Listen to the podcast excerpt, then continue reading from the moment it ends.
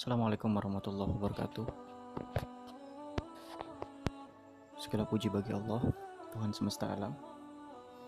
Salawat kita iringkan serta salam tercurah kepada Nabi Muhammad Sallallahu Alaihi Wasallam, pada keluarga, istri-istri beliau, tabi'in, tabi'ut tabi'in, sampai kepada pengikut beliau hingga akhir zaman. Amma ba'du. Bagaimana kabarnya teman-teman semua? Semoga tetap berada dalam lingkar ibadah yang istiqomah dan semoga tetap berada dalam keistiqomahan serta keikhlasan dalam melakukan aktivitas-aktivitas baik itu aktivitas kita sebagai makhluk sosial maupun aktivitas utama kita sebagai hamba yang diciptakan oleh Allah Subhanahu wa taala untuk beribadah kepadanya. Pada kesempatan yang sangat baik ini, saya mengutip sebuah hadis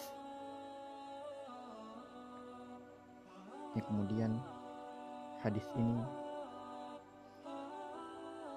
menjadi landasan pokok bagi seseorang yang memiliki niat baik dalam belajar, khususnya dan memiliki niat baik untuk melakukan amalan-amalan yang berhubungan dengan ta'awanu alal birri wa taqwa secara umum. Nabi Shallallahu Alaihi Wasallam bersabda, "May yuridillahu bihi khairan yufaqihu fid din." Barang siapa yang dikehendaki oleh Allah Subhanahu wa taala kebaikan, maka Allah Subhanahu wa taala yufaqihu fiddin akan memberikan pemahaman kepadanya dalam urusan agama. Ada anggapan yang berkembang di tengah sebagian masyarakat bahwa fikih harus diambil dari salah satu uh, dari empat mazhab yang familiar atau yang masyhur atau yang terkenal. Tidak boleh beralih dari satu mazhab ke mazhab yang lain atau keluar dari empat mazhab itu. Walaupun pendapat yang dianut tidak memiliki dasar dari Al-Quran dan Sunnah.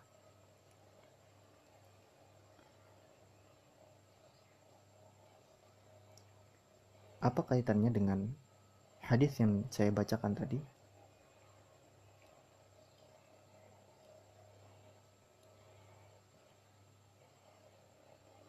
Dalam beragama kita dituntut untuk memahami apa yang diajarkan oleh agama.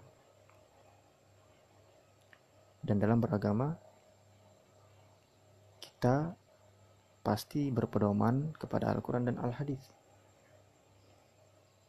Ketika kemudian madhab-madhab yang ada itu kita pilih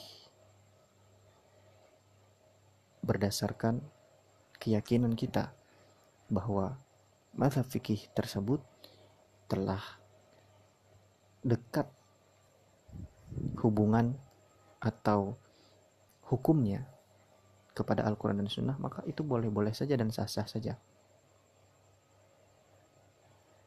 Maka Hadis ini mengatakan barang siapa yang dikehendaki oleh Allah kebaikan, maka Allah akan memberikan pemahaman kepadanya dalam urusan agama. Jadi sebenarnya sah-sah saja ketika kemudian kita mengambil mazhab yang ini, kemudian mengambil mazhab yang ini, kemudian mengambil mazhab yang ini. Tidak harus berpatokan kepada satu mazhab. Tidak harus berpatokan kepada salah satu mazhab.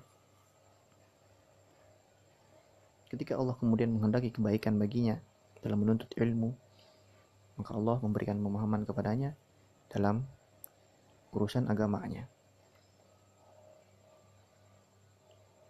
Jika ada orang yang mengambil fikih dari luar lingkungan madhab, apalagi dari tokoh yang masyur sebagai ahli hadis misalnya, maka mereka mencemooh tokoh yang menetapkan hukum fikih tersebut sebagai orang yang bukan ahli fikih. Kendati pun pendapat yang dikemukakannya berdasarkan hadis sahih. Ini yang kemudian menjadi kekeliruan bagi kita. Maka siawianya bagi kita bertoleransilah dalam beragama. Ketika kemudian sudah masuk kepada hal-hal fikih yang furu'iyah yang kemudian banyak opsi-opsi bagi kita untuk melaksanakannya. Maka perlu adanya toleransi di sini. Bukan menyalah-nyalahkan dan juga mencemooh.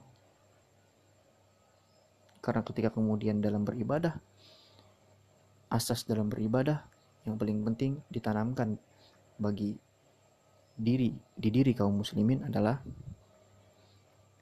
yang pertama ikhlas